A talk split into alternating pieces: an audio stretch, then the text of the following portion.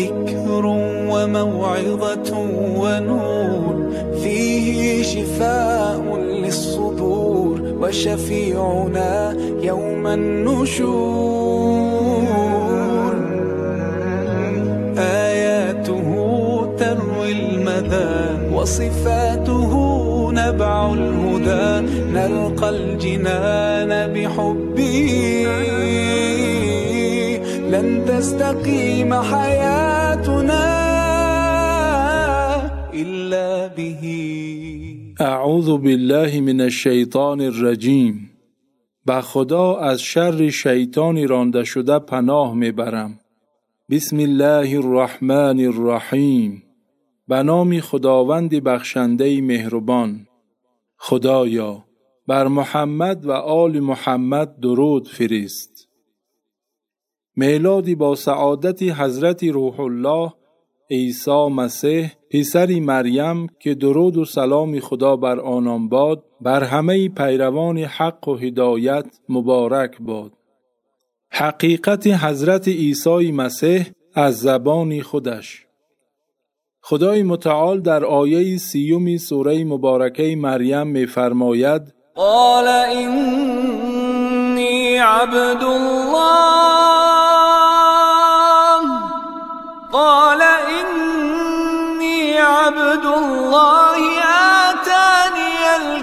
الكتاب وجعلني نبيا.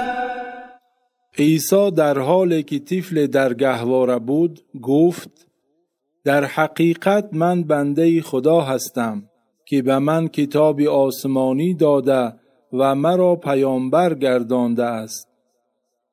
پیام هایی که از این آیه شریفه می آموزیم. یک آنجا که خدا بخواهد طفل در گهواره سخنان سنجیده می گوید و با دفاع از حق و اهل آن فتنه ها را از بین می برد. دو گفته ها را جدی بگیرید چون وسیله شناخت شخصیت افراد است. 3. حضرت عیسی علیه السلام خود را بنده خدا می دانست و آن را اعلام و عمل کرده است. هر فکر و عمل غیر این باطل است. چهار بزرگترین افتخار انسان بندگی خداست. مهر بندگی خدا را با افتخار بپذیریم و آن را اعلام کنیم. پنج بندگی خدا سرچشمه فیض و برکت برای انسان است.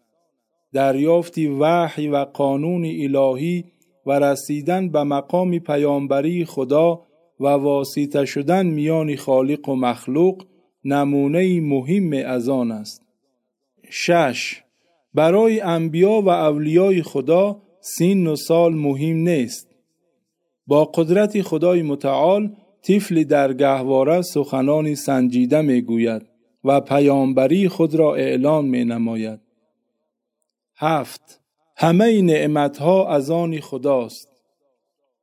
خدایا ما را در بندگی خود و دوستداری بندگان و برگزیدگانت و پیروی از دستورهایت موفق گردان و از برکتهای آن در دنیا و آخرت بهرمند نما پروردگارا ما را از خطر گمراهی و بدبختی در پناه خودت حفظ کن. هو القرآن والفرقان إليه تنصت الأكوان وفيه تعطر الآذان والقرآن. ضياء يملأ الآفاق ونور يبعث الأشواق وفيه محاسن الأخلاق والقرآن